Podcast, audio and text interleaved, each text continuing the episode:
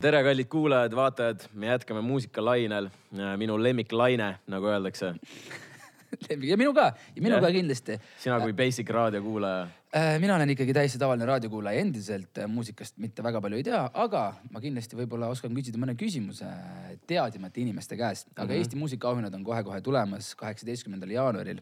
ja me siin Läheb hääletus lahti. me, me siin vaikselt soojendame, vaikselt soojendame neid artiste ka, kes seal, kes seal võib-olla nägu näitavad. või no Jaa. mitte, mis võib-olla, suht kindlalt. ja, ja nagu te teate, siis eelmine aasta tegime meie seal live stream'i, siis ka see aasta teeme me live stream'i ja kuna eelmine aasta oli see väga-väga edukas, siis meid kutsuti tagasi ja me lähme teeme veel ühe. jah, ja Andrei äh,, ma ei teagi, kuskohast nüüd täpselt alustada äh,. kui enne, kui eelmises episoodis käisid meil siin Stefan ja, ja Birgit, siis äh, me mõtlesime, et me tahame ühte väga-väga legendaarset naisterahvast siia. Mhm. ja kelle, kes. või võiks isegi öelda, et ikoon jah, jah, ikoon, nagu talle öeldakse vahepeal. naine, kes, kes on äh, tänavu pälvinud äh, väga-väga tähtsa auhinna Eesti muusika auhindadelt. milleks, milleks on panus Eesti muusikasse. suur aplaus, head vaatajad, Marju Länik. Marju Länik, tere Marju.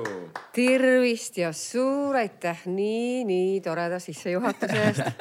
tuli meil hästi välja. legend ja väga, ikoon väga istub siin. hästi. Marju, meil on sihuke hästi vaba, hästi vaba keskkond ja meie küsime natuke suuname sind küsimustega. ma võin alustuseks küsima, Marju.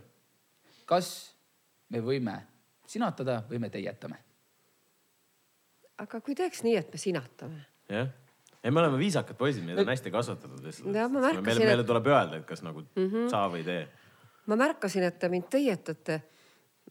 ja mina ei, ei olnudki veel endale selgeks teinud, ma suhtlesin kuidagi nii, et mul ei tulnud öelda ei teie ega sina veel kordagi seda sõna kasutada, et aga teeme siis niimoodi, et äh, lepime kokku, et me räägime äkki siis sina okei okay,, Väga armas. see on hea lihtne noh mulle, mulle tegelikult enne meeldis just, ma jätkame kohe selle, selle, selle teemaga, mis, mis sa enne kohe ütlesid, kui me, kui me siin kaamerat käima panime. et kuule, et kaua see kestab, Marju siis küsis, et kaua see kestab siin, kas kümme minutit või nagu teles, vaata hästi kiirelt, hästi kiirelt. et ühesõnaga see, see küsimus tekib siis sellest, et sa ei ole nagu harjunud sihukeste pikemate äh, veits rahulikuma tempoga nii-öelda jutuajamistega nii-öelda kaamerate ees või? oi ei, asi pole üldse selles, ma olen väga pikkade intervjuudega ka harjunud, aga ma alati nagu eelnevalt küsin, et kui pikaks see jutuajamine kujuneb. Kas see on lühike, kas see on nagu kuskil kaheksa-üheksa minutit nagu näiteks telesaates, kus lihtsalt tuleb väga-väga kiiresti kontsentreerida ennast vastustele, vastata hästi kiiresti ja siis jääb ikka pool, pool rääkimata. või et meil on korralikult aega, nagu ma sain aru, et meil ongi korralikult aega ja siis saab rääkida rahulikult, mida me siis püüame praegu teha ka. ja äh,, Marju, ma tahan küsida esimest küsimust äh,. Äh, auhind nii-öelda siis panus Eesti muusikasse, mida see sinu jaoks tähendab? no panus Eesti muusikasse on äh, niivõrd eriline auhind, millist saab ainult äh, üks kord elus. mis tuleb välja teenida oma, oma tööga, oma pühendumusega, oma kirega, oma kontsertidega ja kahtlemata oma muusikaga, oma, oma lauludega, et äh, mida rohkem hitte sa oled suutnud nende aastate ja aastakümnetega luua, värvida ja voolida, seda parem. ja see on äh, minu arvates meie muusikamaastikul nagu, nagu kõige kõrgem äh, muusikaauhind äh, nii-öelda seda võib võtta kui elutöö auhinda ehkki seda väljendit ei kasutata selle, selle auhinna puhul, aga sisuliselt see seda on. mis ei tähenda samas seda, et, et nüüd tuleks äh, nagu öö, otsad kokku tõmmata ja kotid kokku pakkida ja, ja, jah. ja loorberitele puhkama jääda. seda see ei tähenda, see ei peagi tähendama seda, see ei tohi tähendada, see võib seda tähendada, kuidas kellelegi, et igaüks ise otsustab, mina kavatsen jätkata täpselt samamoodi oma tööd edasi, sest ega mitte keegi meist ei, ei äh, ei esine, ei tegele muusikaga, ei, ei ole artist selleks, et auhindu saada ennekõike, vaid ikka, et äh, võita publiku äh, poolehoid, võita publiku lugupidamine, armastus. ja siis, kui selle eest antakse ka auhindu, siis on eriti tore, sest et äh, kellele vist siis ei meeldiks suure töö eest nagu tunnustust ka saada. Aga just, just see, see panus Eesti muusikasse auhind, kas see nagu kuidagi nagu peast korra kunagi käis läbi ka, et tegelikult oleks tore, kui ma saaks ka selle, et siin eelmine aasta oli minu arust Rock Hotel oli seal mingi aasta, Mikk Targo, et kui sa neid vaatad, onju, et tegelikult tahaks ka seda auhinda, on sul siukest, siukest mõtet olnud kunagi? no muidugi teisi auhinda saades, vaadates äh, ikka käib endast ka see mõte peast konkurentsi läbi. Et... konkurentsi liidakas käib ka läbi, jah? ei noh, mitte sellises, käib nagu sellises no, no inimesel, kes on hästi kaua aastaid juba laval olnud, ikka paratamatult võib selline mõte ju pähe tulla. seda enam, et kui need auhindu on nagu jagatud, siis minu fännid äh, on mulle korduvalt juba mitmeid aastaid nagu kirjutanud äh, või siis öelnud, et selle auhinna oleksid pidanud juba sina saama. Ja nüüd, kui ma siis olen selle auhinna saanud, ma ootasin selle täiesti rahulikult ära, mina ise ei astunud mitte ühtegi sammu selleks spetsiaalselt, et kuidagi kedagi nagu, kelleltki nagu küsida, et kas ma võiks ka saada või, või et kedagi survestada, et mina võiks saada või, või kuskile mingit, mingit märk, märget saata või, või, või midagi sellist, absoluutselt mitte midagi niisugust ma ei teinud. Ja see on kõige-kõige toredam, et see, et see otsustatigi mulle nagu üksmeelselt äh, määrata. ja kas see nüüd tuli paar aastat varem või paar aastat hiljem, see ei ole nüüd enam nii suure tähtsusega, põhimõtteliselt ta tuli, ma ütleksin ikkagi suhteliselt õigel ajal, kui ei, kui ei ole väga hilja ja kui ei ole väga vara, et ma tunnen, et ma olen ikkagi väga-väga palju laval teinud, ma olen ei taha küll neid numbreid kuidagi nimetada, aga noh, vaata see koolipoisi viis on nendel aastatel ees, kui palju mina olen suurel laval olnud ja tegelikkuses veel kauem. ja sest ma alustasin, kui ma olin kuueaastane, kui ma kooli läksin, esimeses klassis laulsime esimese laulu ja terve koolipõli ma laulsin kõikvõimalikes äh, vormides, kus, kus võimalik oli. ma olin nagu... alati ikka solist, aga ma, mul on ka koorilaulu kogemus, mul on ka kammerkoori kogemus, mul on ka koolibändi kogemus, kooliansambli kogemus, kus ma olin ikka solist.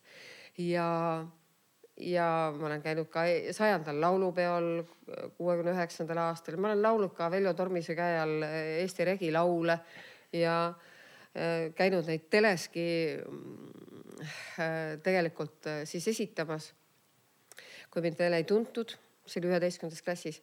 nii et äh, igasugused trepiastmed on nagu lapsepõlvest peale nagu läbi käidud ja seitsmendast klassist peale äh, kutsuti mind ka nagu Otepää Kultuurikeskuse juurde juba laulma solistina ja kontsertide kava, kavadesse laulma solistina. ainult solistina, mitte ansambli, mitte nagu mingi ansambli ühe liikmena äh, noh, mingisse, ma ei tea, naisansamblisse või tütarlaste ansamblisse, ei mitte niimoodi, vaid ikka solist olin ma alati ja siis me käisime juba üle Eesti kontserte andmas juba kooli ajal ka. ja meil oli, meil oli A, A kategooria nagu kõige kõrgem kategooria, mis me saime siis tarifitseerimisel. nii et meil tase oli hea ja kõrge. et ma olen nagu need kõik need trepiastmed läbi käinud, et vaat kui teles mõni režissöör ka ütleb, et noh, ma alustasin seal, ma ei tea, juhtmevedajast ja siis ma olen olnud, et ma olen olnud kõik, kõik rollid teles läbi käinud, kuni ma olen saanud näiteks seal, ma ei tea, peaprodutsendiks teles või, või, või vabandust, peatoimetajaks või, või, mm, või peadirektoriks, et noh, ta tunneb nagu, ta tunneb nagu kõiki sfääre selles töös sa oled kõike näinud nii-öelda. ma olen. kõigest aru, kuidas, jah, ma olen kõike proovinud, kõike Äh, läbi mm, nagu elanud, läbi teinud. ja kui ma siis äh, olin üheteistkümnendat klassi lõpetamas. Äh, ja lõpueksamidki olid juba tehtud, siis Pühajärve lauluväljakul, kus praegu väga popid, need retrofestid toimuvad ja popid jaanituled toimuvad ja kus seal kunagi varem käisid alati need Pühajärve beach party'd ja vaat seal sellel samal laval mina laulsin ja mind leidsid kaks inimest Tallinnast, Eesti Riiklikust Filharmooniast. panid kõrva peale, et, et selle tüdruku, selle tüdruku me kutsume kohe Tallinnasse. ja äh, võtsid mu telefoni, mulle helistati, ma läbisin Eesti Riiklikus Filharmoonias konkursi. see oli ansambel Vana Toomas, mida juhendas äh, Arve Taug Eesti Riikliku Filharmoonia juures, kuhu mind võetigi läbi konkursi solistiks. Tollal oli Filharmoonias üldse kaks ansamblit, üks oli Laine ja teine oli Vana Toomas, mida võib põhimõtteliselt nagu orkestriks nimetada, sest selles, selles koosseisus oli ka viis vaskpilli. noh, ikkagi seal tromboon ja kaks saksofoni ja kaks trompetit ja tead ikka, mis pillid need on? ma, ma, ma olen kuulnud, ma just mõtlen, et kuidas on tulla Otepäält Tallinnasse niimoodi, et noh, noore tüdrukuna. see oli üks, üksteist klass ütlesid jah? Kuidas tulla? Otepäält Tallinnasse. ja ma lõpetasin. Otepää, Otepää keskkooli ja tulin, tulin Tallinnasse kuidas..., see oli, see oli väga keeruline äh, tulla, kui sul ei ole ees tegelikult äh, ootamas äh, tuttavaid, sul ei ole siin sugulasi. täitsa üksi läksid jah? täiesti üksi läksin, täiesti üksi tulin. kus sa ja... elama hakkasid, mis, no me. kuidas see välja nägi? alguses pandi hotelli, aga tegelikult see oli nagu päris, päris keeruline, et ma, ma sõitsin ka vahel kaks korda nädalas Otepääle. et kui proovid olid üle päeva Tallinnas Filharmoonias, siis, mis on praegune Eesti Kontsert. seal ma töötasin üheksakümne neljanda aastani, peaaegu kakskümmend aastat. siis äh,, äh, siis ühesõnaga see elamine oli suur probleem, sest et praeguse aja noored ei saa sellest üldse aru, et siis ei olnud võimalik äh, mingeid kortereid üürida, sest üürikortereid ei olnud. kortereid saadi ainult äh, mm, töökohtade kaudu, näiteks sa pidid ennast nimekirja panema ja siis vaat siis määrati. et kus sama, sa elad enne? ei, et, et kes saab korteri yeah., sa pidid olema korteri järjekorras. aga kui sa Tallinnas mõtled, et ma üürin siin korteri, seda võimalust ei olnud lihtsalt samamoodi ei olnud, oli tol ajal näiteks autoostulubadega, et noh, praegu sa lähed autopoodi ja ostad. aga tol ajal seda võimalust ei olnud. siis sa pidid selle välja töönima, et töökoht, kes sai võib-olla aastas üks-kaks autoostuluba üldse, määras neist ühe sulle.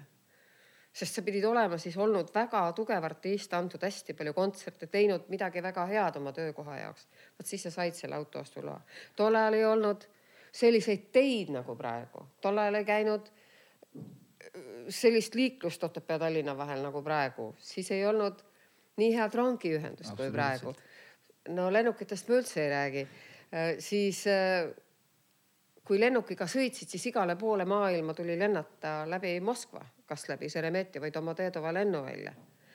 et kui ma hiljem lendasin Kuubasse, siis ma ei lennanud mitte otse Kuubasse, vaid näiteks läbi Istanbuli vaid ma pidin lendama Kuubasse niimoodi, et Tallinn, Moskva, Moskva, Iirimaa, Iirimaa, Kanada. see oli teine vahepeatus, esimene oli Iirimaal, siis järgmine oli Kanadas ja vot siis Kanadast Havannasse, vot niimoodi tuli lennata siis Kuubale. nüüd me vaatame lihtsalt, et kui on mingi üks vahepeatus, me mingi ei, ei viitsi, vaata ei taha liiga, palju. ja et ma hakkasin Kuubasse ühel õhtul minema ja jõudsin sinna ülejärgmisel hommikul, sest no, üks öö jäi lihtsalt vahele. mis sa Kuubas tegid siis? Ma jõuan sinna, aga ma hästi lühidalt lõpetan nagu selle yeah. eelmise yeah. teema, et, et ma tulin Tallinnasse, ma laulsin siis selle Vana-Tooma äh, koosseisus äh, peaaegu kaks aastat, meil hakkasid kohe suured kontsertreisid. Põmm, Kiiev, viietuhandene saal, mitu kontserti. Harkov äh,, Filharmoonia saal, mingi kaks tuhat kohta, mitu kontserti siis Moskva, ma ei tea, mitu tuhat kontserti, mitu, mitu tuhat inimest saalis. Leningrad tollane ehk praegune Peterburg, suured saalid kõik. Riia, kõik hästi, tollased kõige suuremad saalid, näiteks Filharmoonia saalid et kohe nagu piraki suurele lavale, ei, ei mingit värisemist. ja lasi, visatigi nagu lihtsalt vette ja nüüd täiesti uju välja. ja, ja, ja kui vana, ja kui vana sa olid siis? Kui ma tulin mm, Vana Toomasesse Filharmooniasse, siis ma olin täiesti seitseteist, sest et mm. ma läksin kuueaastaselt kooli. ja no ma varsti sain kaheksateist mm.. nii et ma olin esi, esimeste sõitude ajal olin veel seitseteist. ja siis sellest Vana Toomasest paari aasta möödudes moodustati ansambel Mobile. mis muide viis oma proove läbi siinsamas selles majas, kus on praegu teie stuudio, mis oli yeah. omal ajal ministrite nõukogu autobaasi hoone. see on siinsamas, ma kogu aeg kuulen ka, siiamaani mängitakse. mängitakse jah? ja, ja no, kogu aeg siin ikka mingid pillid mängivad. aga me käisime siin kogu aeg siis proove tegemas Mobile ajal.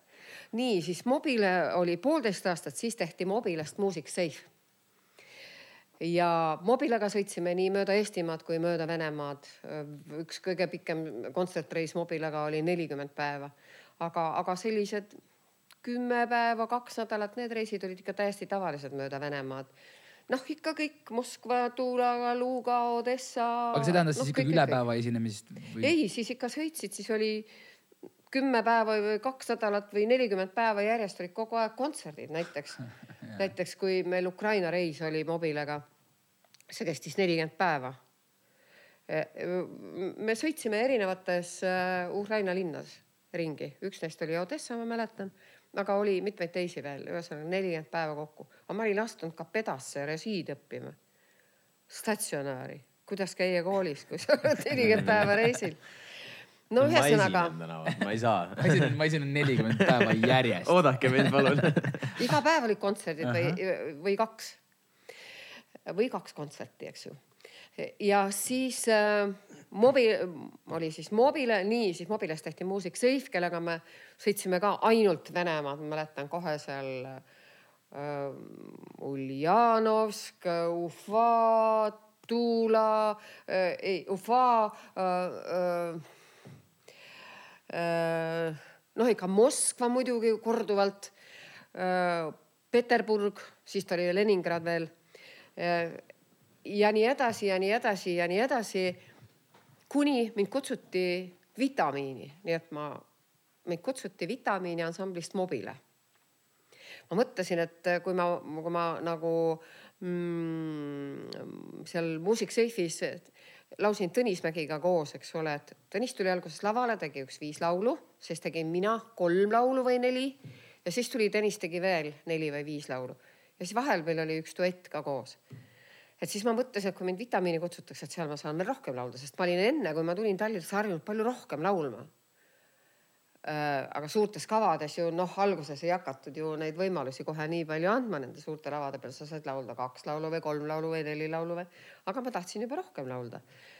et ikkagi kogu aeg areneda, et kasvada edasi äh, siis noh, vitamiinis ma tegelikult ikkagi hakkasingi laulma juba rohkem laule ja, ja seal me olime Mait Maltisega kahekesi, kaks solisti laulsime oma soollaule päris arvukalt ja laulsime ka teineteisele päkke, no seal terve bänd laulis päkke.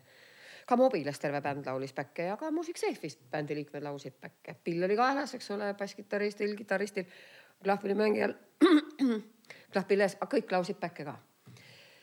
Kui siis vitamiiniga sai ka juba välja antud seal äh, kaks suurt LP-d, üks eestikeelne ja venekeelne ja no need olid nagu terve bändi LP-d aga minul oli juba ka pakkumine, et ma saan eh, nelja looga EP välja anda Meloodia alt, andsime selle välja.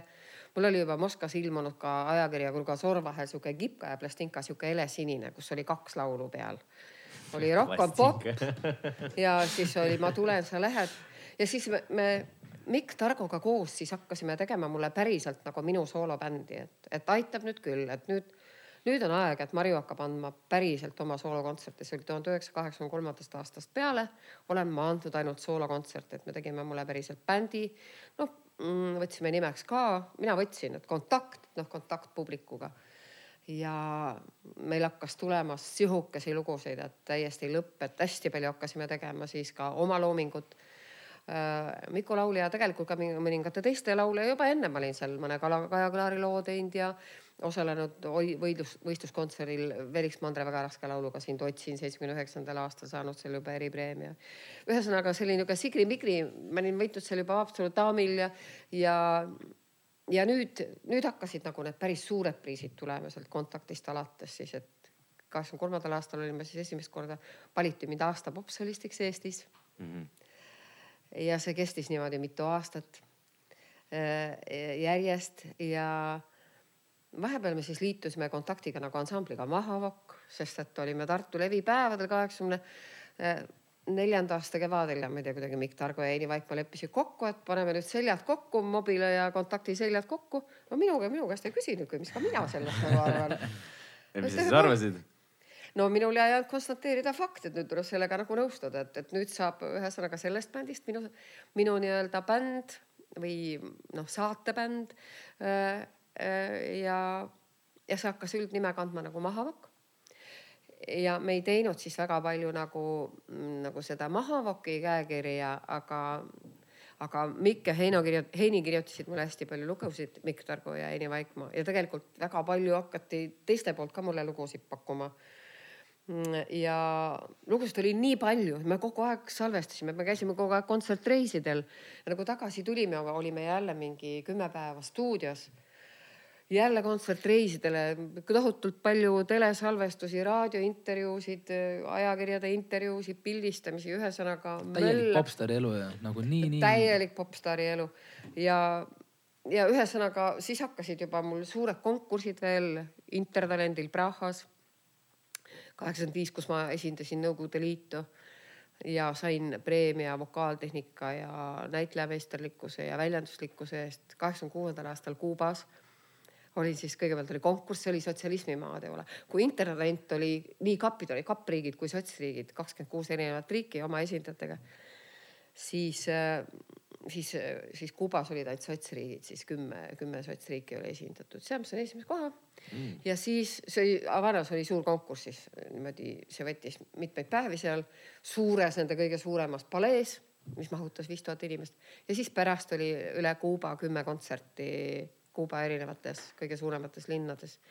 noh, need teiste riikide artistid olid ka kaasas, et siis andsime neid galakontserti ja siis Kuuba oma Mirza Siiveri ja kõik siuksed äh,.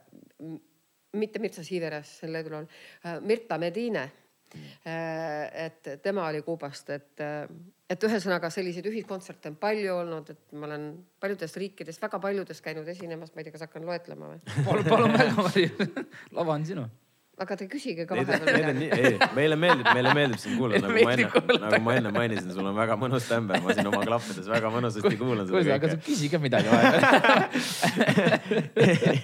aga ma, kui me juba siin Kuubast räägime, kui, kui erinev võib-olla see Kuuba, see on ju nii kaugel teisel pool täiesti onju.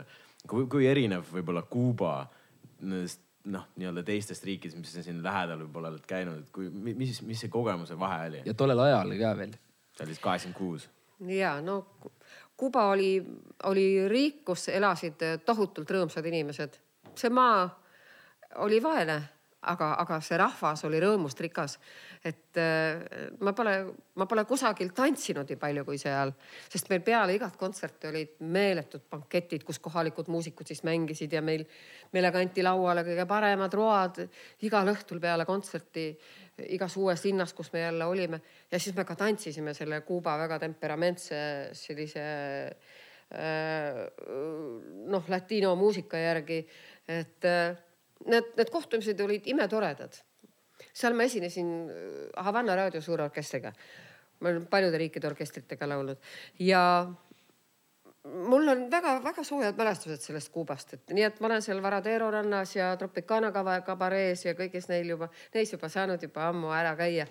ja, ja ma sõitsin Kuubasse veel ka järgmisel aastal, uuesti saadeti mind, et, et siis oli üks suur sõprusfestival Nõukogude Liidu ja Kuuba vahel, kus mind saadeti siis ka ühe esindajana ja must tehti seal mitmeid telesaateid ja, ja mind väga hästi tunti Kuubas, et kui ma esinesin yeah. tänu sellele ja, et must tehti mitmeid telesaateid juba esimesel korral ja teisel korral ka, et et kui ma lavale läksin, eks mul olid väga siuksed julged kostüümid ka, selg oli hästi paljas ja külgede peal olid kleidil lõhikud ja et siis see rahvas hakkas niimoodi möllama seal see, publik, need tuhanded inimesed, et, et see huilgamine ja see, see, see rõõmulärm oli lihtsalt nii suur, et ma ei kuulnud enam, mida ma laulan. et väga kihvtid mälestused on need, aga ma olen ka Indias esinenud, olnud kuu aega kontsertreisil kas meil on keegi eestlastest kunagi Indias esinenud? ei no kindlasti on, aga ma ei tea, ma arvan, et Marju on lihtsalt kõik, kõik kohad maailmas läbi käinud. Marju ütles India. kui te vaata, ta tahtis enne loetleda neid, siis ma lihtsalt, ma ei tea, palju seal, kas sa ilmselt tead peast ka, mitu riiki sa läbi käinud oled? no kolmkümmend vähemalt, kolmekümnes olen ikka esinenud ja. ja, ja need ei ole lihtsalt olnud nagu kusagil, et noh, ma ei tea, ainult paarile inimesele, vaid, vaid need on ikka olnud noh noh, kasvõi Kopenhaageniski näiteks kolm suurt kontserti, A tuhat viissada inimest Bulgaarias näiteks äh, kümme kontserti, viis Sofias, viis äh, Varnas suurtes spordihallides, see oli niisugune rahvusvaheline kava, seal oli veel, mina olin jälle Nõukogude Liidust sinna valitud. ja siis oli seal veel Hollandist ja Inglismaalt. Oli üks poidroonikusolist oli Inglismaalt ja, ja veel mitmetest teistest riikidest ja siis olid suured sellised galakontserdid staadionitel, mis mahutasid kümme tuhat inimest. sisehallid olid need, aga nad mahutasid kümme tuhat inimest mm., viis kontserti Sofias, viis, viis Varnas.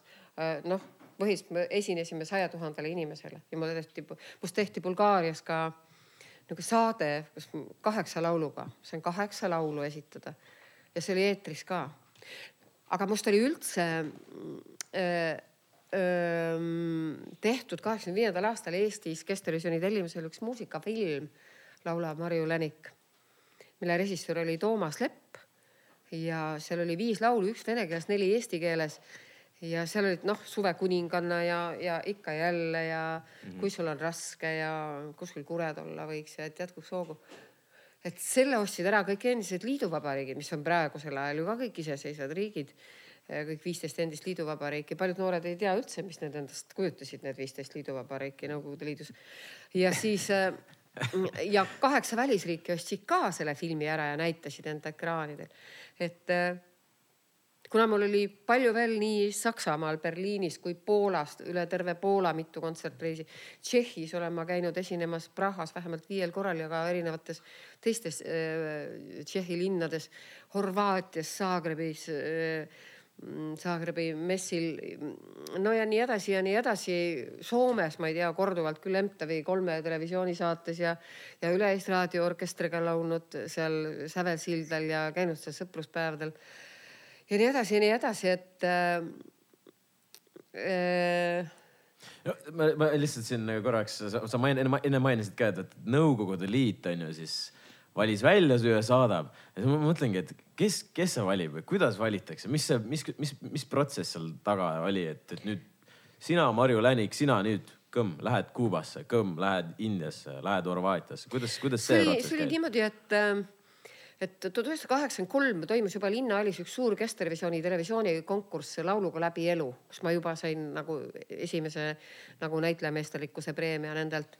ma kaheksakümne kolmandal esinesin juba väga palju Kestelevisiooni saadetes, sest lihtsalt tuldi hommikupostist, mis oli nende Utrene Potsdali nende ülipopulaarne saade. Äh, sinna lihtsalt kutsuti, nii et ma juba varsti seal ka juhtisin seda saadet, juhatasin teisi esinejaid sisse ja minu peale kirjutati stsenaarium ja laulsin ise saate lõpus. Äh, et äh, kaheksakümmend neli ma käisin Vilniuse tornidel mm, esinemas jälle Vilniuse orkestriga. kaheksakümne viiendal aastal aga esinesin ma Moskvas ähm, äh, ülemaailmsel noorsoo- ja üliõpilasfestivalil, äh, kus osales, ma ei tea, mingisugune sada kakskümmend erinevat riiki maailmast ja nendele tehti väga suur programm selle selle suure ülemaailmse festivali puhul Moskva kõige suuremas saalis, mille nimi on Olümpiiski. sinna mahub mm -hmm. sisse umbes kolmkümmend tuhat vaatajat ühele kontserdile ja seal Olümpiiskis oli siis kontserte. ta on nagu staadion, aga tal on katus peal. Äh, ja, ja seal, seal oli mingisugune kümme või kaksteist sihukest etendust, kus iga etendust vaatas sihuke peaaegu kolmkümmend tuhat inimest ja mind valiti nende suurt, neid nimetati jääpallideks.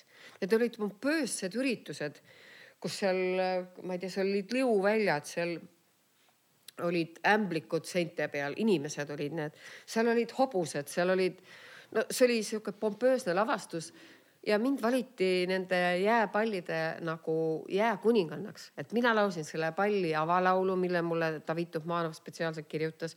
Kareleva Zimõi oli selle nimi, noh jääkuninganna või lumekuninganna või äh, ja, ja ta kirjutas mulle veel ka sinna ja mul oli seal ka teine laul, mida ma laulsin selles kavas. et no vot seal, kui ma siis seal oli neid kontserte tegin, siis astus Moskva kultuuriministeeriumist mulle juurde üks inimene, ütles, et meie oleme nüüd otsustanud, et me soovime, et teie sõidaksite Intertalendile Prahasse kaheksakümne viienda aasta sügisel esindama Nõukogude Liitu me oleme teie välja valinud, et selle valisid ikkagi NSV Liidu kultuuriministeerium. pidi ikka ringi käima no,. sa ikkagi tõestad ennast. ja et, et sihuke käid ringi, esined, saad võib-olla häid tutvuseid ka onju natuke kindlasti. sa pead jääma silma, sa pead, ma tõusin seal juba liidu edetabelitesse ikkagi, ma olin seal äh, Alla Pugatšova ja Sofia Rotaru järel ja ma olin juba neljandal kohal seal kaheksakümne neljandal aastal ja ahah, Sofia Rotaro, ma olen isegi ta kontserdil käinud et linna. ma olin seal, seal esiviisikus mitmel, mitmel korral, eks. ja esinelikus, et, et äh, niimoodi sa jäädki no, silma. lihtsalt Robinile kontekstis nagu need Alla Pugatšovad, Sofia Rotaro. Alla Pugatšova ütleb mulle. Venemaal on nagu lagina. ja näiteks kaheksakümne üheksandal aastal oli selline eriline äh, asi Venemaal veel Kestelevisioonis nagu oli mm, äh, mitme kontinendi vahel otseülekanne ja mind kutsuti ainsana Baltikumist ja ma sain kaasa võtta ka oma bändi sinna, siis mul olid bändis Lauri Laubre, Kalle Vilpu, Tarvi Jaago äh, ja nii edasi. et äh, näiteks äh, ma pidin seal, seal oli Philips oli sponsor ja ma pidin seal laulma kaks lugu, ma laulsin Õnnemaa vene keeles ja Minu südame hääl eesti keeles. ja siis, kui mind Juri Nikolaev Moskvas välja kuulutas, ütles Spasiba, Spasiba London, ja ma esinesin peale Bee Gees'i et lülitus oli Londonis Bee Gees'i esi-, esinemiselt ja siis kohe klõpsti lülitati Moskva esimesse stuudiosse ja seal mina oma bändiga. Ja kaks lugu veel, üks veel eesti keeles ka. ja Eesti autori lood, Lauri Laubri lugusid valisin sinna tookord, et äh, see oli nagu Aafrika manner kandis seda veel üle ja Euroopa kandis seda üle ja Aasia kandis ka seda veel üle. et, et see oli sihuke pompöösne selline otselülitustega suur. selline show. ma pidin loosima välja veel seitsekümmend Philipsi pleierit, no pleierid olid siis jube popid asjad. vast oli juba siis influencer. et siis oli, seal oli nii kõrge kirja, kirjakuhi nagu, nagu teil siin lagi on. ja siis ma pidin sinna peaaegu et otsa ronima ja sealt võtma siis seitsekümmend kirja, kes siis võitsid. no vot kihvtid väga. mälestused. aga kui sa, kui sa Venemaal olid, et sa siin mainisid neid nimesid ka, kas nendega oli nagu sihuke, kas sa suhtlesid nendega, said läbi, kas äkki olid mingid plaanid, et võiks midagi koos teha, kas siuksed arutelud olid ka? ja kui kasvõi see festival oli, millest ma just rääkisin, siis Alla Pugatšova tantsis lava ees minu esinemise saatel ja, ja, ja Malinin ka, kes on üks väga kuulus äh, Venemaa selline, selline, selline noh, natukene nagu folklaulja või. et nad tantsisid minu nina all. Et äh, Alla, Alla suhtus väga hästi sellesse loomingusse, mis mina koos bändiga tegin ja, ja ta kutsus, tihti korraldas seal Olümpiiskis veel igasuguseid naistepäeva suuri show sid ja aastavahetuse suuri show sid ja tema oli ikka see, kes programmi kokku pani. Ja alati ta valis sinna ikkagi mind jälle esinema koos mu bändiga, et et neid selliseid pompöösseid Olümpiiski kontserte, kus kus kümme päeva järjest, iga päev oli kaks või kolm kontserti, neid oli ikka väga tihedalt ja, ja Venemaa heliloojad ikka lõpuks äh, istusid mul juba garderoobi ukse taga järjekorras, et mulle oma laule pakkuda. see võib väga eriline tunne olla. see on väga eriline tunne ja mul, ma olen teinud ka mitmete nende lugusid ära, näiteks David Tupmanov andis mulle veel ühe laulu. ütles, et Marjuska, tu minja k vam votut klaviir ja see on jäetunud raaks, see on üks rokkballaad, mis on mul üks kõige paremini lauldud laule, aga te tunnete seda vähe, see on tegelikult Eesti muusika filmist äh, Pingul keel, mida meil kahjuks väga vähe millegipärast näidatakse, selle tootja on Tallinn Film ja ma ei tea, kas Eesti Televisioonil pole selle õiguseid või, aga nad näitavad seda väga vähe. aga must tehti väga uhke video sinna, kõik filmiti, ma ei tea, Jaltas ja, ja kuskil seal Orlovi lossis ja, ja siin mm, Palmse mõisas ja et eh, vot, et see Tuhmanovi lugu on üks, üks mega ilus lugu, mis ta mulle, mulle nagu just täpselt pakkus ja kirjutas. aga siis oli seal veel, Igor Sarukhanov andis mulle oma ikka jälle pakkus, eks ole. siis ju noh, Vladimir Matetski kirjutas mulle nagu selle Päikesemaa. siis äh, äh, siis oli üks helilooja Igor Kissil, kes kirjutas mulle Jumalaga jätt. Siin Tallinnas salvestasime, nad tulid kõik siia Tallinnasse salvestama. Nad eraldi tulid sinu pärast, tulid siia? Nad tulid siia ja neile meeldis siin Linnahalli stuudios salvestada, sest siin mm. oli nagu väga hea sound ja, ja siis noh, mõni võttis nagu kitarristi Tallinnast kaasa, näiteks kui ma ka dialoogiga, kellega ma ka vahepeal, see üks vene kuulus rokkbänd, kel, kes, kes ka väga tahtis, et ma nendega koos tuleks just eriti välismaa sõitudele, et neil on vaja niisugust lahedat rokitšikki mm,. see oli kaheksakümmend kaheksa, et nad juba kaheksakümne kuuendast hakkasid mulle peale käima, et tule ja, ja esine meiega koos siis ma kaheksakümmend kaheksa ikkagi mm, sellel aastal ma tegin ka päris mitmeid sõite välisreise nendega koos ka, et nendest näiteks Kim Breitburg on ka üks Venemaa kuulus helilooja, selle dialoogi juht kirjutas mulle mind kuula saa ja saba samm, ma ei tea, kui palju te neid laule teate. aga et eh, seda koostööd vene heliloojatega on olnud ja nad on väga hästi suhtunud ja ma ütlen, et järjekord oli ukse taga, aga ma ei saanud võtta ka sellepärast, et mul oli nii häid kirjutajaid endal, noh bändis, eks ole, Mikk Targo kirjutas vapustavaid lugusid. Äh, siis Heini Vaikmaa kirjutas suurepäraseid vapustavaid lugusid, Lauri Laubre kirjutas väga häid, veel teised Eestimaal, mitmed nagu Madis Salum pakkus mulle ühe bluusi sind oodates ja ja, ja Rein Soontak nagu ühe jätsuliku sellise Üksi keset tööd ja, ja, ja Ivar Mustaga tegime Astu vaid üks samm, see on niisugune funky stiilis Eh, lugu, et. Eh, sa pigem eelistasid neid, kellega sa alustasid? ma ja... eelistasin ikkagi omi, eh, omi heliloojaid, et teha ikkagi võimalikult nagu Eesti. no ma tundsin nagu, et mul on nagu missioon, et ma tahan teha nagu Eesti, Eesti lugusid ja, ja ilmtingimata originaallugusid, et kui ka vene, vene, vene heliloojad pakkusid mulle originaallugusid, mida keegi ennem pole laulnud, siis ma võtsin hea meelega mm. -hmm. no kui me läheme teemaga natukene edasi, siis ja minu, minule väga meeldib äh, sinu loomingust äh, Kari Kakar ja Raadio kaks valis selle siis äh, Eesti sajandi lauluks. Eesti saja aasta hitiks. ja, ja mm. ma tahaks teada, kuidas see laul sündis? see laul sündis nagu üks paljudest ähm, Mikk Targoga koos tehtud lugudest mm, Mikuga, ma ütlesin Mikule, et nüüd sul tuleb hakata mulle nüüd laule kirjutama, kui sa nagu tahad, et. järjekord on ukse taga. järjekord on ukse taga, hakka kirjutama ja, ja ta ja ta ja ma ütlesin talle, et paku nagu teemasid välja. ja siis ta pakkuski nagu, mis ta siis ema Lelo Kõlari äh, kodus klaveri taga siis äh, mõtles näiteks välja ja siis äh, lindistas kasseti peale näiteks teemad ütleme salmi teema ja refrääni teema. ja iga kord pakkus mulle niimoodi viis-kuus teemat niimoodi. mul ei olnud veel sõnu ega noh, vormi ega midagi ei olnud, aga oli lihtsalt nagu salmi ja refrääni harmoonia teema ja, ja meloodiajupp, et ma sain aru.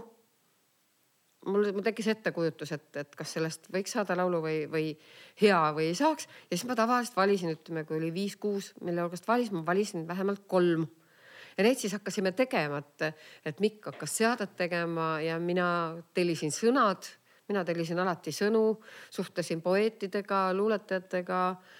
Mässasin sellega, panin alati nagu lindistuste ajad.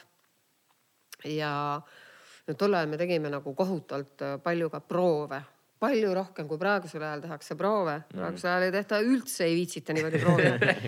aga tol ajal, kui me tulime, me tulime, oli näiteks kaks nädalat olime kontsertreisil, me olime väga väsinud, aga me puhkasime võib-olla üks kuni kaks päeva ja kohe hakkasime Tallinnas jälle proove tegema me tegime ikkagi üle päeva proove, me kogu aeg töötasime nagu uute lauludega ja ka nende lauludega, mis meil juba olid.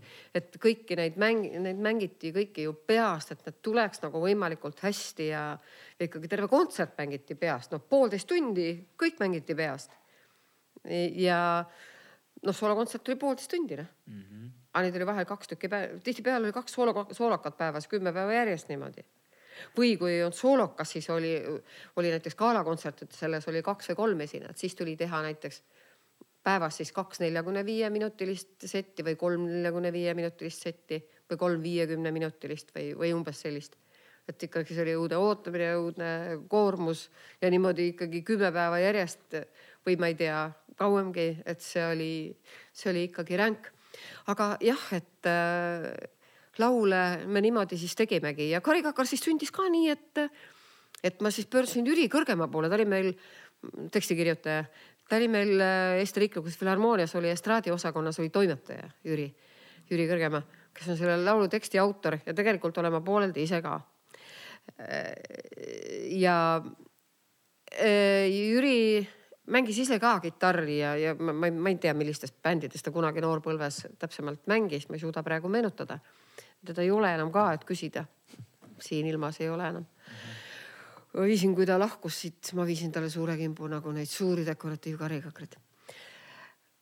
jah, aga et äh, Jüril kuidagi hakkasid need sõnad tulema, see, see, see armastab, ei armasta ja, ja, ja siis ma ikka saime seal Filharmoonia äh, peeglite ees seal all fuajees, kui te lähete Eesti Kontserti, seal all on need noh, see fuajee, seal on need mm. suured peeglid, kus saab istuda seal nende äh, äärte peal. vaat seal Jüriga siis jälle vaatasime või siis Filharmoonia kohvikus vaatasime seda teksti jälle ja siis mina jälle ütlesin ka Jürile, et noh, vaat siin võiks natukene olla nagu teistmoodi ja midagi teistmoodi ja Jüril oli alguses üldse nagu karikakra mäng ja ma ütlesin nagu pikk ja lohisev, et, et karikakar oleks lühike ja konkreetne ja sellel on nagu tähendus ja. ja, ja, ja tegelikult Jüri kirjutas mulle veel mitu väga head teksti, mis umbes samamoodi nagu koos jälle sündisid niimoodi, et tegin teatud parandusi, nagu ma peaaegu kõigi tekstidega teen natuke lisad nagu oma sellist. no lihtsalt, et ma oleks nagu sellega päri, milles ma selles loos laulan, et minu jaoks oleks nagu selles loogika. ja et ma oleks sisemiselt mina, kes nagu selle sõnumi esitab ja kes nii hea kui halva, mina ju võtan selle vastutuse, kes enda peale selle kõik saab, et ma pean olema sellega päri, mida ma laulan. ma pean noh, seal peab olema mingi loogika, mida ma laulan, ma pean mõtlema nii, nagu ma laulan, ma ei saa laulda oma mõtete vastaselt mm. -hmm või selle vastas, midagi selle vastaselt, mida ma nagu ei aktsepteeri. et ja siin noh, lihtsalt ja mul on tunnetus, et vaat siin mingi sõna annaks, teeks selle mõtte paremaks, teeks selle fraasi paremaks. et, et see on mõni väike nüanss, mida sa muudad, võib tohutult palju nagu parendada seda sõnumit. ja ja muidugi noh äh,, niimoodi see karikakar siis valmiski, et, et äh, tegime selle kaheksakümne kolmanda aasta lõpus siis kiirelt ära, alguses oli ta tempolt selline suhteliselt aeglasem. sellest on ka video, kus ma olen nagu selle helelilla kleidiga, mille õmbles äh, äh, näitleja, näitleja mm,, ei saa praegu öelda, Merle, Merle Kappel äh,. Äh, aga ma tundsin, et see tempo on liiga nagu aeglane sellel karikakar. me tegime nagu Pop kaheksakümne kolme aastalõpu saatesse selle variandi karikakrast ära sisse, teles saatesse, aga. see video on alles on? see video on alles, see on Youtube'is ka olemas okay.. Mm. aga tegelikult kuu või kahe pärast tegime me ikkagi selle karikakra minu soovil nagu ümber, me kiirendasime tempot, me tihendasime nagu seda arranžeeringut seal ja, ja siis see on, siis sellest sai nagu see põhivariant, mida tegelikult nagu raadiod mängivad mm. -hmm. nii on Karikakra lugu. ja, ja, ja, ja ma just tahangi kõikidele kuulajatele ütlema, kes on siis nooremad äh,, siis Marju, ma pean sulle ütlema, et suure tõenäosusega Karikakra lugu teavad, kui sa vaatad sinna kaamerasse, teavad nad kõik Nad teavad kõik. selles mõttes, et see on, see on ikkagi noh, nagu Raadio kaks on öelnud, sajandi lugu nojah, see jääb meelde, sellel on, sellel on ikkagi selline iga inimest puudutav sõnum, selline armastab, ei armasta. elu põhiküsimus, eks ole. ja Marju, mul selles mõttes üks, üks sihuke vaheleküsimus veel, et mis, mis sina arvad tänasel päeval sellest, et tehakse hästi palju vanadest hittidest. ümber. tehakse cover eid mm -hmm. ja nii-öelda siis tänapäevastatakse need mm. -hmm. mis, mis, mis, mis sina arvad sellest, sellest tegevusest? Noh, see on selline nii ja naa, kui tehakse väga huvitav ja väga-väga selline äh, äge versioon, siis, siis on kõik väga hästi. et tegelikult niimoodi võib mõnegi laulu uuesti nagu ellu äratada. aga väga suur risk on see, et läheb et ei tule parem kui originaal. Et ei ole parem kui originaal jah ja., see on väga, see risk on väga suur. väga risk. kas, kas sul tuleb praegu midagi meelde ka, mis sulle just nagu nendest, mis on tehtud vanadest lugudest, mis praegu siis kõlavad, kas midagi tuleb meelde, mis nagu sulle endale meeldib? no näiteks, kui me Laula mu laulu saates olime koos kaks tuhat neliteist, see oli esimene hooaeg, siis seal oli ka Genka. no me pidime seal üksteise laule laulma mm -hmm. ja valima. Äh, äh, ja siis, kui oli minu saade, siis Genka ütles, et ta tahaks teha terassüdamega meest mm. -hmm. ja selle idee andis talle ta abikaasa Maris tegelikult, Maris Kõrvits veel, nagu ma tean. ja, ja Genka tegi terassüdamega mehele nagu väga laheda sellise räpi teksti salmidesse. ja, ja refräänid jäid nii nagu olid, sellest sai nagu äh, suurepärane versioon, mis tegelikult aitas seda laulu uuesti nagu ka praeguse põlvkonna ette tuua. taaselustab nii-öelda. taaselustada kuigi omal ajal, kui ma seda tegin, oli, oli see era, erakordselt popp lugu ja no kõik te mäletate, see nahktagi ja, ja, ja mu sinipuna-roheline pea ja, ja, noh, see nahktagi Jaa. jah, ja see, see Jaa, miniseerik, mille ma jupi otsast ära lõikasin, sest režissöör ütles, et seerik on liiga pikk. ja võtsin käärid sealsamas salvestusel ja lõikasin jupi otsast ära ja vot, et, et see, see on, see on olnud niisugune väga-väga armastatud äh, laul kuulajate poolt kõik aastad, aga, aga fakt on see, et see Genka variant tõi ta nagu noorte põlvkonnale nagu, nagu lähemale ja ja, ja ma juba nüüd aastaid, juba kümme aastat jälle laulan seda Terastudaga meest ise ka igal oma esinemisel. et üks asi on ilmselt see telesaatesse korraks see nii-öelda eksprompt teha see ümber ja teha näiteks Genka nii-öelda tegi selle terassüdamega mehe. aga teine asi on see, et, et lauljad artistid panevad selle nii-öelda oma repertuaari selle cover'i ja siis võidavad näiteks kasvõi sellega auhindu. näiteks see, see on ka tänasel nagu Leekiv armastus või? nagu näiteks Leekiv armastus. jah, et võitis sellel aastal raadio kahe aasta hiti. no mm, nii ja naa jah. no, no see oli, see oli, see oli üsna pea peale keeratud, see Leek-, Leekiv armastus, eks ole, et et ega see väga äratuntav ei olnudki seal enam, see, see Lea osa oli seal üsna napp. ega No tihtipeale ongi, et kasutatakse neid rehve noh. ah, et kasutatakse tihti, võetakse põhimõtteliselt rehvi osa, mis on, ongi, inimesed teavad seda ja siis ümber selle tehakse mingi siis oma nii-öelda arranžeering uuesti peale onju. jah, no see on ka selline mood, mis praegu tegelikult on ju ka maailmas Jaa., et, et seda niimoodi tehakse. et ma arvan, et ühel päeval võib-olla hakatakse ka minu lauludega niimoodi teha, tegema, et võetakse ainult minu vokaal ja tehakse sinna ümber täitsa noh, uued seaded ja arranžeeringud ja praegune tehnoloogia võimaldab ju eraldada vokaali eelmisest mm, -hmm. eelmisest arranžeeringust ja kõigist instrumentidest. et seda võib hakata juhtuma, aga kui on head lood, siis noh, noh, seda siis, kui ma ise neid enam ei esita. ühesõnaga aga... Leekiv armastus ei meeldinud sulle? ei, ma seda ei ütle, et ei meeldinud, ma ei ole teda nii palju, nii äh, intensiivselt analüüsinud ka, aga, aga mm, ma ütlen, et see, on selline nii ja naa, et ma, et ma ei ütle, et see on üli, üliäge, ma ei ütle ka, et see, et see on kehv, et see on selline, selline maitse asi võib-olla ma ja maitse asi. Aga mul ka näiteks jälle üks meie, meie nooremate meeste bänd, kus ka räppareid sees on, pöördus mu poole ja nad tahtsid kõigepealt teha mu Vaid üks mees lugu. aga ma olen sellest ise teinud tegelikult. kes need, kes need pöördusid? miinused või? ei olnud miinused. Pürmüüd, Põhja-Tallinn. jah, Põhja-Tallinn. ja aga ma olen jõudnud tegelikult ise teha juba ühe uue seade Vaid üks mees laulule. ei ole jõudnud seda ainult veel päriselt nagu raadiotesse välja lasta mm. -hmm. et seda ma esialgu nagu ei, ei, ei lubanud võtta, aga, aga siis nad tegelikult teevad ühest, siis nad valisid ühe teise laulu mm. -hmm minu üheksakümnendate hittidest ja, ja praegu nad töötavad sellega, ma olen juba kuulnud ka selle, selle, selle töötlust ja, ja, ja, ja ma peaksin uuesti laulma siis seal refrääni osad peale ja siis saaks selle välja palju Kui-, palju sa ise või no tihti sa ise praegu stuudios, stuudios oled, kui, kui tihti töö käib? no mul on nii palju laule elus juba tehtud, et, et ma nagu kvantiteedi pärast nagu ei pressiks, eks ole, et lihtsalt, et võtan eesmärgi, et ja aastas, ma ei tea, pingutada kolm-neli uut laulu. kus ma neid esitan? Et tegelikult inimesed tahavad ikkagi kuulata ennekõike neid su kõige suuremaid hitte. Need kõige suuremad on ikkagi, ikkagi selle, nendest aastakümnetest, kus nagu alustasid, kust tulid mm.. et need on ikkagi nagu Karikakar, Päikesemaa, ikka jälle, Terassüdamega mees, Varjude mäng, Kellel peatub mu pilk, Rock on popp, Taas löövad kellad mm, söön armastuse aastapäev et inimesed tahavad kuulda neid vanu, vanu klassikaid Nad nii-öelda. tahavad neid, aga loomulikult ma olen ka siin äh, siin viimase kümne aasta jooksulgi, no ka üheksakümnendatest on näiteks siuksed hitid nagu Suured hitid, siis tuli mul väga palju hitte, siis tuli see tantsumuusika periood, siis tuli jälle neid tantsuhitte hästi palju nagu Naerdes ja naeratades, Vaid üks mees, Sinu juures, Sina, Ma tean su puudutust. Mm.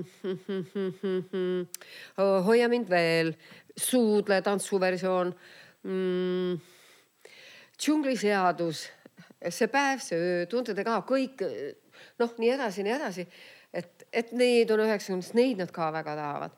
aga siin nüüd kahe tuhandendatest ja, ja, ja sealt siiapoole veel edasi on tekkinud veel kõik need tagasi su juurde ma teel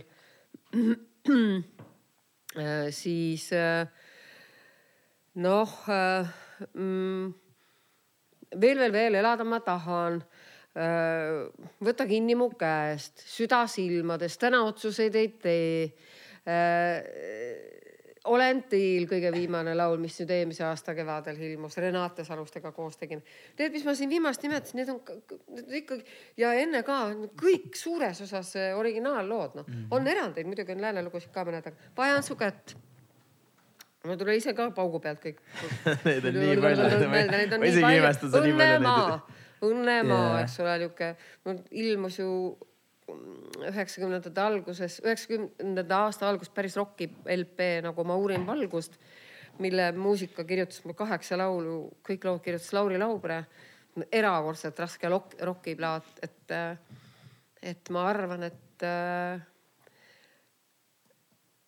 ma julgen küll öelda, et seda muusikat igaüks ära ei laula, et see on. ma olen tõesti... mul on, äh, kuna meil on tegelikult Eesti muusikaauhindade sihuke erisaade, siis mul on tegelikult üks ettepanek, mida ma tahan, mida ma tahan arutada. Andrei Andrei Sevakin on öelnud, et äh, mitu korda sa Eesti Laulu käinud oled? neli-viis, viis, neli, neli. neli.. Andrei ütles, et kui ta järgmine kord läheb, noh, kui ta järgmine kord läheb, siis ta läheb ka võitma et siis ta, siis ta nagu, ta ei, ta ei viitsi enam lolli mängida, vaata. et nagu, et mida me enam, noh, et selles mõttes, et ta on finaalis kõik korrad olnud, pole mingit probleemi olnud mm. -hmm. aga nüüd, kui ma lähen, et ma ei lähe enam niisama, ma lähen võitma ja see on ainuke mm, -hmm. see on ainult Eurovisioon. ja Marju, küsimus, küsimus on selline. kui Andrei pöördub äh, sinu poole üks päev, ütleb, et Marju, lähme paneme selle Eesti Laulu kinni. mis, mis, kui palju te peaks, kui palju te peaks sind mudima? et, äh, et, et. et Eesti Laulule minna. et Eesti Laul kinni panna ja Eurokale minna kas oleks üldse tänasel päeval mingi teema veel? ma arvan, et äh, see oleneb väga sellest loost, äh, mis siis nagu plaanis oleks. sellepärast, et äh, lugu ikkagi otsustab nagu väga palju, kui, kui tugev laul see on, see peab olema erakordselt tugev laul. ja noh, minu, minu roll saab seal olla Andrei juures mingi noh, osaline, eks ole. et Andrei, sinu võti Eurokale seisab sinu vasakul käel. see on nagu, see on fakt. et eh, noh, ma pole päris kakskümmend enam ja euro, eurolaulul ja Eurovisioonil tegelikult oleme me näinud, et ega tegelikult ikkagi võidavad eh, noored ja veel kord noored mm. -hmm. et see on harva juhtunud, kui, kui keegi nagu seal ka noh näiteks viiekümne, olles peaaegu viiskümmend või et on nagu mingi võidu saanud, et et see on selline, millegipärast ollakse nagu naiste suhtes selles suhtes osas nagu hästi karmid, et, et mehed nagu võivad olla vanemad. seal on, seal on ka hästi palju, noh Eurovisioonist rääkis üldse mehed ja sihuke natuke sihuke tilulilu asi. nojah, et ega seal, et siin peab olla kaks eesmärki, et teha nagu Eesti turu jaoks üks kihvt vägev lugu, et, et ei peagi silmas, et see peaks ilmsesti Eurovisioonile jõudma mm see laul, aga et teha nagu Eesti turu jaoks üks jõle vinge asi, mida saaks nagu Eesti Laulu öö, osa noh, Eesti Vahe, Laulu seal vahepeal sees nagu siis ütelda sellele väga head nagu promo teha, sest et mm. Eesti Laul on selleks väga hea võimalus. Eesti rahvas ootaks seda. teeme Marjuga loo ära, siis lähme Kuubasse esinema tihti sa ise, vaata, meil praegu tegelikult see nädal hakkab äh, Eesti Laul on ju, sa ise jälgid, äh, oled fänn, oled Eurovisiooni fänn, kuidas, kuidas sul selle poolega on? lõppvõistlusi olen ma alati jälginud ja, ja, ja poolfinaale nii Eesti omasid kui, kui nii Eesti Laulu omasid kui siis, kui ka Eurovisiooni omast. ma olen ka päris palju kordi olnud nii äh,, nii selles äh, eurolaulu žüriis, mis peab olema Eesti Televisioonis, see varužürii. ma olen mitmel aastal olnud mitte küll päris viimased äh, viis-kuus aastat ei ole olnud, aga enne seda väga mitmel aastal oli. Tomi viskas su välja või? Tomi ajal ma ei ole olnud aga tal mingit va vahame, vahenu küll minu vastu ei ole, me oleme alati hästi läbi nalja aga, aga siis jah, Eesti Laulul olen ka äh, olnud žüriis, ma ei mäleta, paar korda küll. ise, ise oled esinenud Eesti Laulul niimoodi nagu osalejana või? siis oli pigem euro. no mulle üks laul kirjutati kaks tuhat kaheksateist, siis äh, jah, oli see Täna otsuseid ei tee. jah, see oli jah, see oli viimane Normeti aasta siis. ja see oli tegelikult, see oli vi- viimane Mart Normeti aasta. et seal oli nagu mm, kaks varianti, et kumb laul nagu läheb, et kas läheb nagu Liina Saare ja ühe rootslase ja ühe saksa poisi koos tehtud laululaagris koos tehtud, see täna otsuseid ei tee. või ma ise oleks pakkunud nagu Lauru La- Laagusega koos tehtud Süda silmades mm., mis mul siis just tuli. aga jäi ikkagi nagu täna otsuseid ei tee, see oli ikkagi nagu mitme autori koostöös tehtud ja, ja ja see oli tore lugu. aga seal siis oli nii, et telestuudios tegelikult salvestati nagu poolfinaalid Jah. enne ära.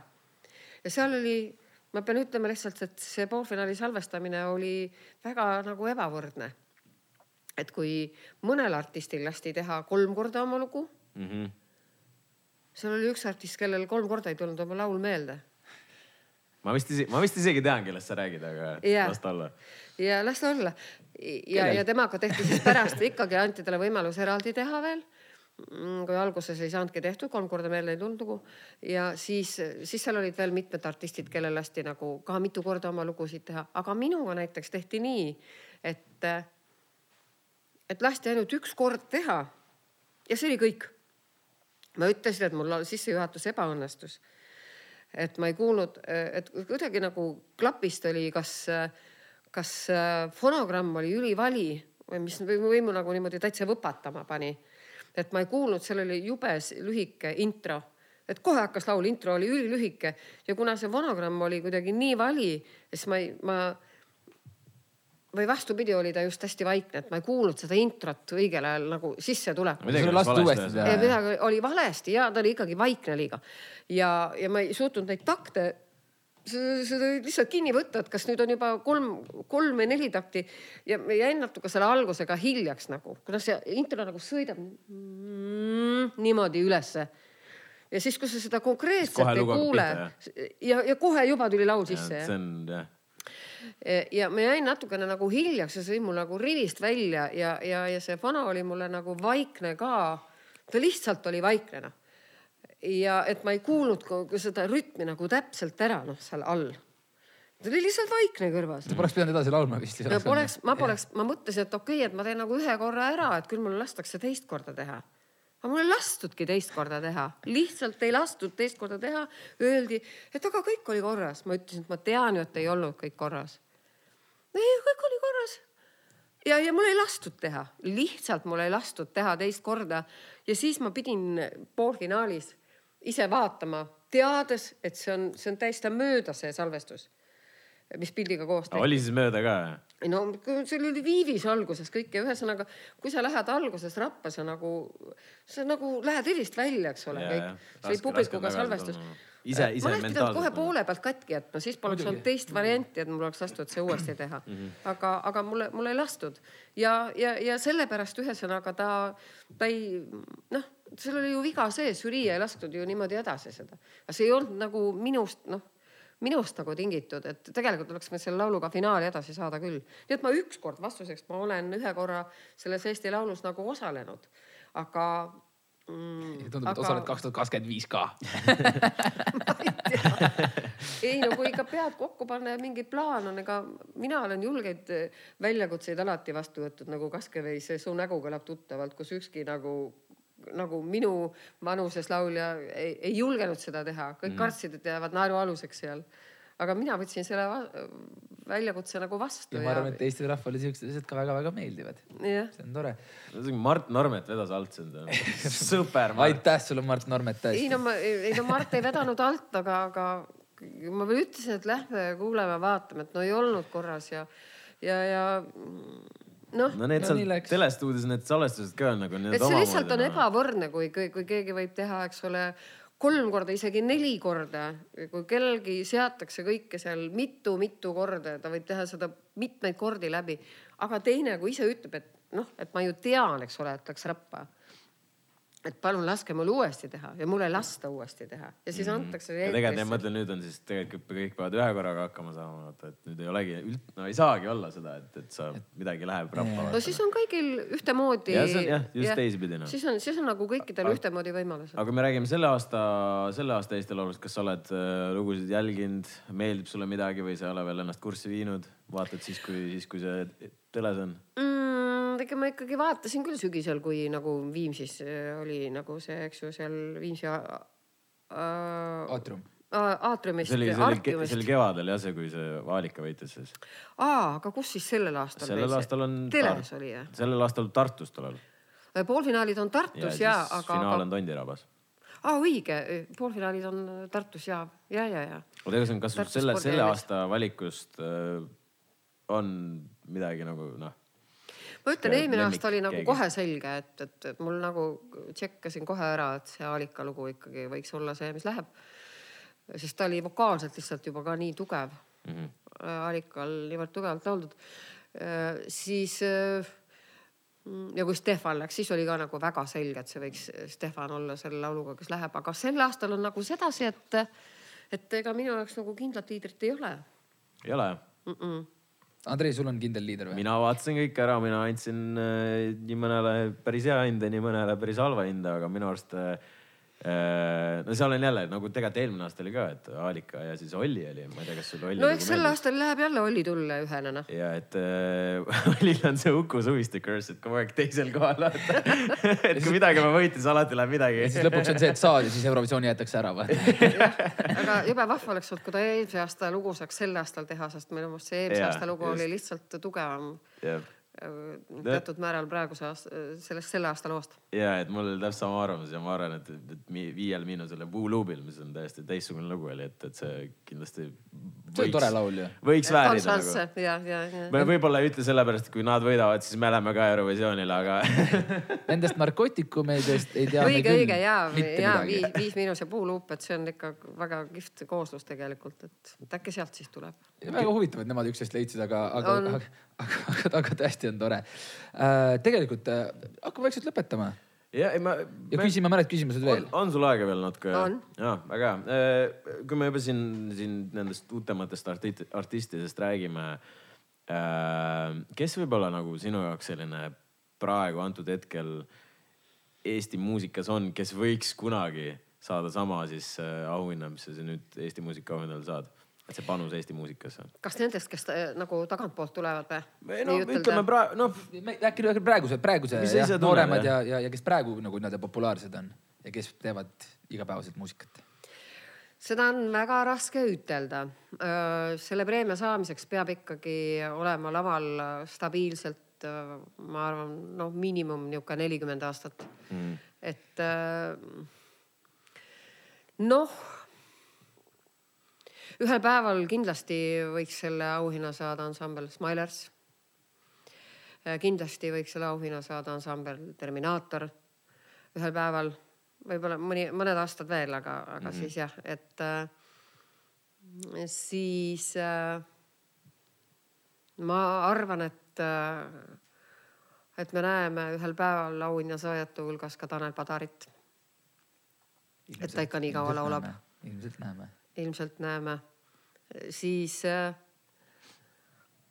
see võib äh, puudutada veel äh, väga mitmeid, väga mitmeid artiste.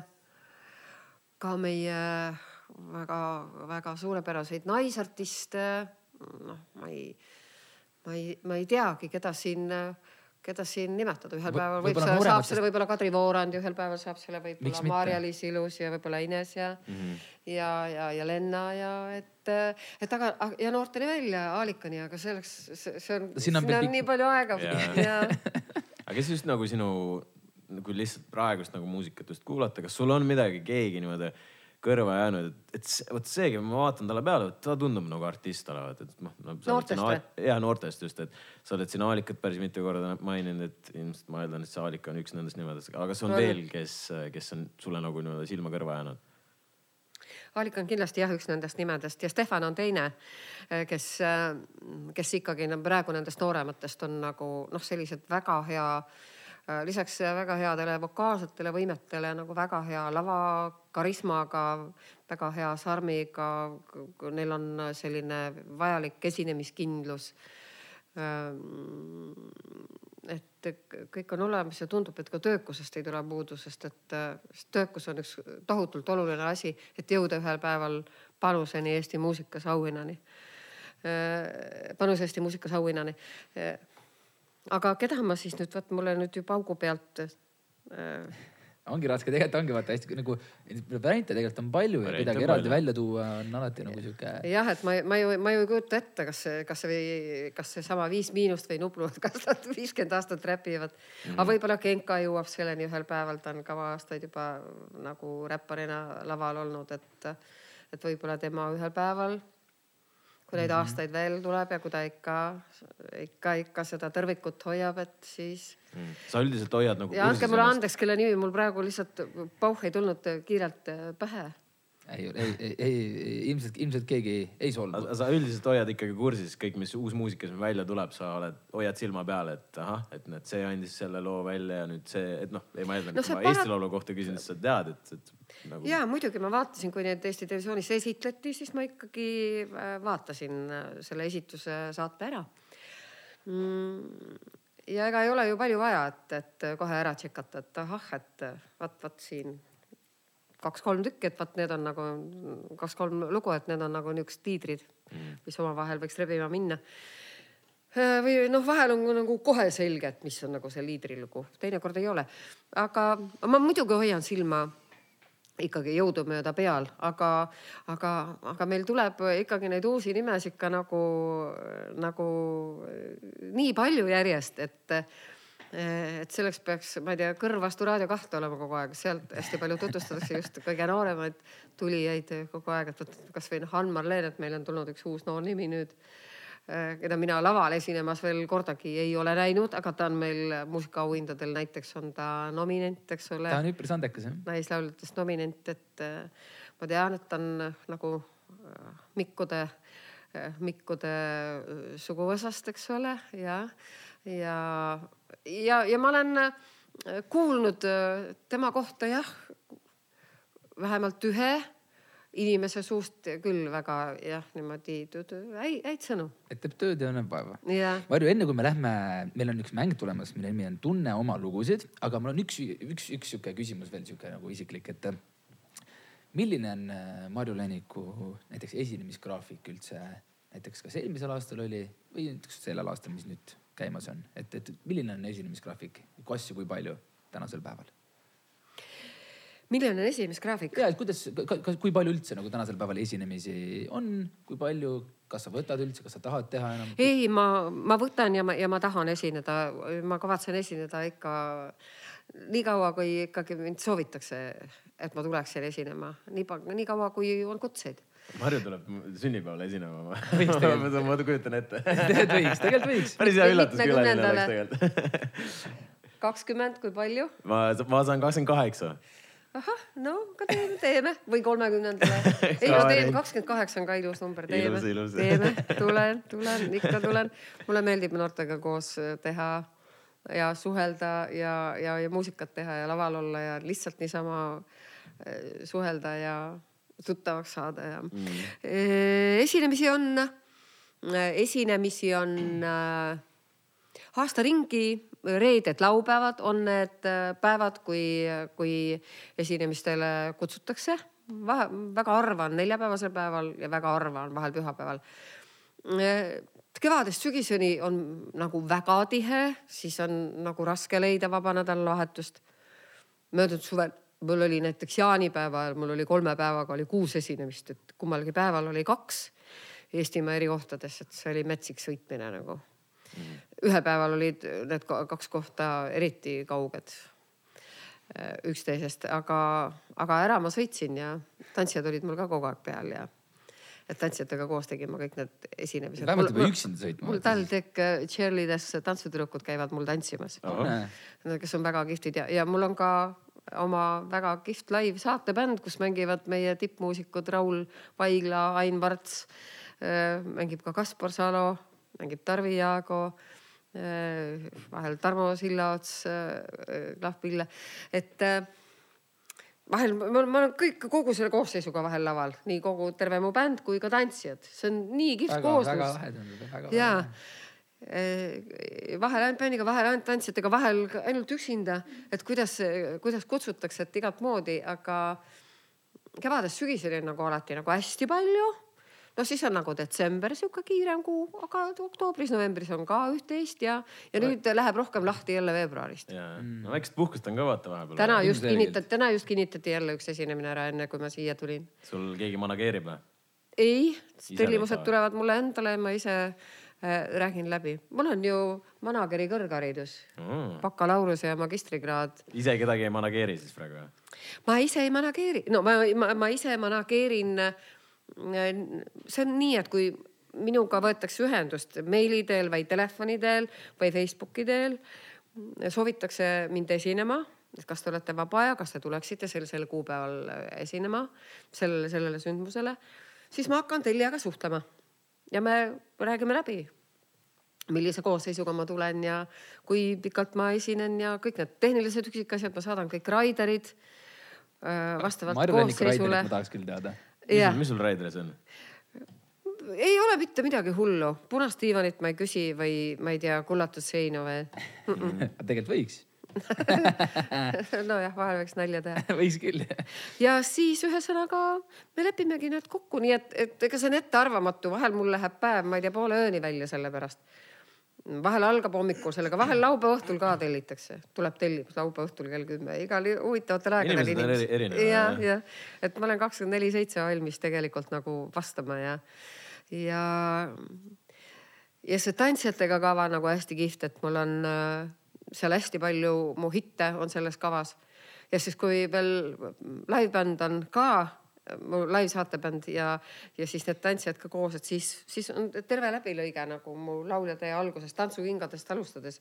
Ja taas löövad kellad laulust kuni, kuni noh, tänasesse päeva olen teel lauluni välja ja kõik, mis sinna vahele jääb, igasuguseid erinevaid stiile, sest ma laulangi nagu erinevaid äh, stiile, et mul endal oleks mitmekesine, et kui ma laulaks ainult rokki, siis ma tänase päevani poleks kestnud mm.. kui ma laulaks ainult, ma ei tea, ballaade, ma tänase päevani poleks kestnud, et mul on nii palju esinemisi, eks. mis on nagu kõige südamelähedasem mul on mul on Sulle? nagu need kolm vaala põhiliselt on mul nagu see popp, siis mul on äh, rokilood ja siis mul on nagu ballaadilood aga, aga ballaade saab ainult ikkagi siseruumide kontsertidel äh, vahel esitada et äh, rohkem ikkagi tahetakse sihukest hoogsat, energilist, särtsakat, tempokat kava. ja et äh, ei, ka kontsert. kui, inimesed tahavad, nad võivad tantsida, aga see on mul tegelikult sama kava ka kontserdil, ma vahel laule vahetan. mul ei ole kunagi päris ühesugune kava, ma teen igaks esinemiseks eraldi kava, sest juba need pikkused, need setid on alati erinevad, vahel on vaja teha tund viisteist ühe, ühte jutti, vahel on teha kaks korda nelikümmend tarvis aga bändiga vahel me teeme ka kolm korda nelikümmend, ma laulan kolm osa. et, et kuidas siis tarvis on ja sõltuvalt sellest tuleb need üksikasjad siis kõik läbi rääkida. kes see minu arust ikka seda paremini teeb? ja kuna ma ainult sina ütlesin, ise, ainult sina ise teed hästi. et mul on nagu, et ma olen ka, mul on nagu kultuurinõuniku ja kultuurimänedžeri ja kunstimänedžeri kõrgharidus, bakalaureusekraad, kiitusega lõpetatud ja mul on ka magistrikraad kultuurikorralduses. nii et ma olen õppinud ka neid asju ja, ja mul on lihtsalt selle peale endal juba lapsest peale nagu soot, et kui ma niisuguse korraldamise peale, ma võiks õhtuid ka väga hästi juhtida või saateid.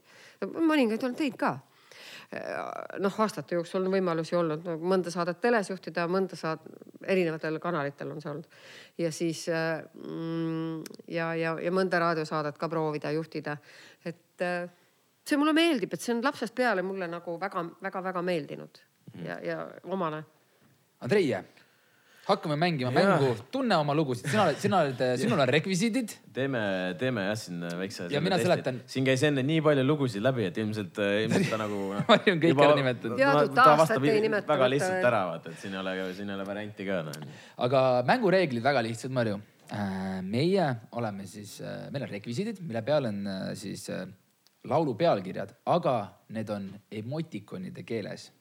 tead, mis asi on emotikon? no tean, no meil on äh, siis laulu pealkirjad on äh, siis emotikoni keeles ja siin on sihuke kaks-kolm emotikoni ühe laulu kohta ja sina pead ära arvama, mis laul see on. see on sinu repertuaarist. appike, ega ma, ma tean ainult äh, paari emotikoni tähendust. aga, aga sa, aga sa, aga, aga sa näed peale, sa saad aru enam-vähem, mis need on siin, näita siis äh, kaamerasse. nii, siin on meil esimene. esimene on sihuke väike mehike. väike mehike ja täring, mis, mis, mis, mis see olla võiks, mis laul? see ilmselt käis läbi nendest listidest, mis sa siin meile enne nimetasid, mis lugusid sa oled teinud väike mehike ja täring, vaid üks mees või? väike mehike ja täring. täring, mida, mida täring võiks tähendada? täring, täring, no täring tähendab mingisugust, mingisugust mm, mm, täring, no mingi võimalus, siin on ju kuus see kuusi, kuusi ei ole oluline, ainult täring on oluline. täring. ehk siis võib-olla näiteks, kuidas öeldakse siis? mis, kus, kus sa kasutad seda täringut? et kus mina kasutan seda täringut? kus täringut kasutatakse, mida tehes? no Eesti mängus näiteks kasutatakse täringut. no mäng on päris okei okay, lähenemine juba mäng ja mul oli üks laul ka väga hea lugu on Mäng. aga, aga see ei ole mäng. aga siin on üks emotikon veel ees mis on sihuke nagu ütleme nii, et ei ole võib-olla päris inimene, äh, aga selline inimese sihuke kujutis. nii. ja see on selles laulus on sul kaks sõna selle laulu pealkirjas. ja see ütleme nii, et sihuke inimene, aga see inimene, no see noh, inimese kujutis ühesõnaga tekib mm. -hmm. ja sul on seal üks mäng ehk siis täring. kellel peatub mu pilk või? ei ole. no ütleme sulle ette. ütleme ära või? Ütlege üks sõna mis sa öelda sa ütlesid mäng, mäng on seal mäng sees. mäng on teine sõna. varjude mäng. väga õige. nii järgmine, siin me ei hakka midagi ütlema, mis, mis emotsid need on. siin saab igaüks saab aru. siin see, see peaks lihtne olema. süda silmades. süda silmades nii järgmine siin jälle ei hakka midagi ütlema. oi, te olete tantsukingad. tubli tööd teinud. nii äh,, siin on meil ahah, siin on päris, see on juba keerulisem. see on juba keerulisem ja. see on juba keerulisem. aga ma arvan, et äh,. aga ei tohiks midagi rasket olla. aga ei tohiks. et kuhu suunda ühesõnaga nagu süda veab. nii äh,.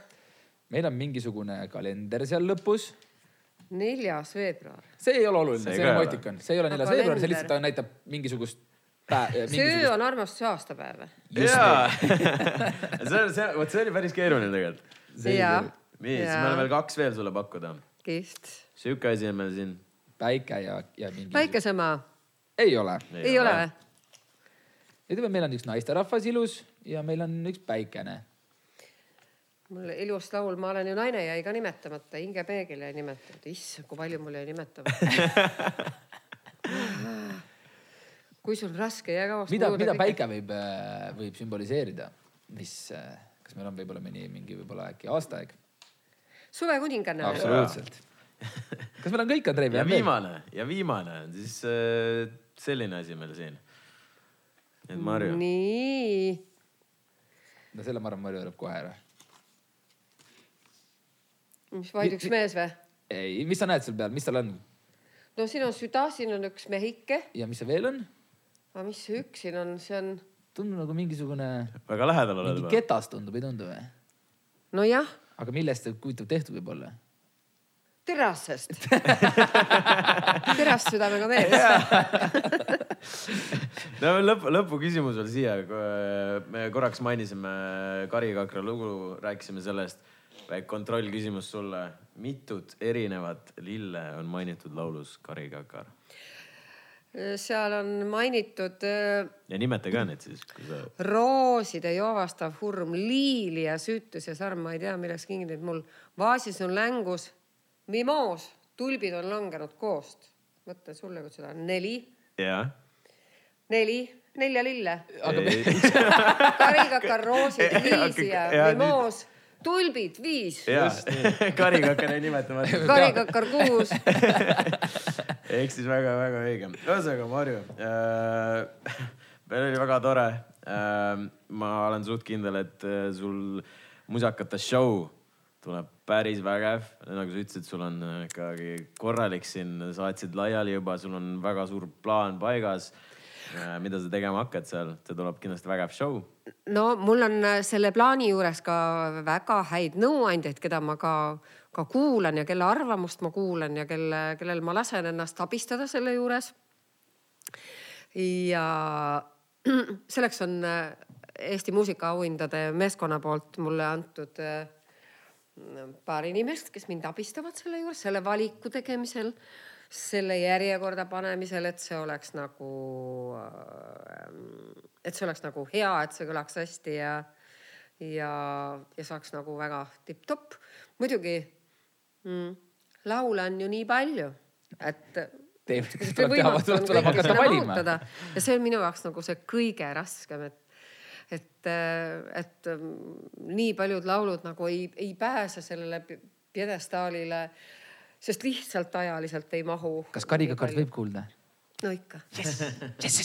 noh, selles pole kahtlust, seda ma võin öelda, et seda ikka kuulab ja aga suur-suur aitäh, Marju, et äh, sa tulid meile külla, et me saime sinuga tuttavaks, et me saime sina peale. just see on See on väga kõige olulisem., väga, väga, väga, väga tore. ja, ja me siis näeme tegelikult juba musakatel ka sinuga. Tule meie stuudio, me teeme ka seal oma stuudiot, tule ja sealt ma ka juba, läbi. ma juba tean, et mul tuleb teie stuudiost läbi astuda, mida Ongi ma teen suurima hea meelega, ma isegi tean, kus kohas see seal asuma hakkab. ahah, isegi meie. kus see siis asuma hakkab, Marju, ütle meile ka. ma nägin eile seda skeemi, saali skeemi. Aga eile oli koosolek, ma viibisin aga koosolekul, me olime heas kohas, heas kohas väga hea. sobib. mulle head kohad meeldivad. mul on nii suur rõõm, et te, et te kutsusite mind oma saatesse, et äh, tänu sellele, et esimesel veebruaril toimuvad äh, Unibet Arenal ehk siis endises Saku Suurhallis äh, suured Eesti muusikaauhindade üleandmise pidustused, toimub tohutu suur võimas äh, grandioosne gala, et läbi selle sain ma tulla külaliseks teie väga hubasesse äh, stuudiosse ja kohtuda kahe fantastilise saatejuhiga, kahe fantastilise noore äh, mehega, kellega oli nii tore rääkida, kullakas, et teiega oli erakordselt armas juttu puhuda, et, et ma, ma, ma tulles ei arvanud elu sees, et ma teiega nii pikalt lobisen ja nii palju räägin üldse. et, et mõtle, Marju tahtis kümme minutit siin olla. nüüd me oleme siin tund, peaaegu poolteist tundi oleme siin istunud juba. nii tore oli. Marju, üks ettepanek veel, vaata äh, lihtsalt vaata kaheksateistkümnendast äh, jaanuarist saab Sky plussis hääletada siis äh, Unibeti rahva lemmik ja siis artist, eks ole. ja, ja peaauhind on juhuslikult äh, pidu äh, koos minu, Andrei äh, Viie Miinuste poistega. oi, kus on alles Viie pidu Miinuste või? poistega, Stefan ja Birgit lubasid läbi tulla nii, ja kas Marju Lännik tuleb ka läbi peolt? muidugi. no, ja, ja sõber, sul on ja sõber, sul on võimalik võita see auhind Unibet spordibaaris siis endale ja neljale sõbrale. pidu, pidu koos meie erikülaline Marju Länik hääleta, seal ja Marju, aitäh sulle. suur-suur tänu. väga armsad sõnad olid sinu ostke poolt. ostke piletid Piletilevist Eesti muusikaauhindadele ja näeme Tulge. juba seal. tšau, pakaa. tšau, tšau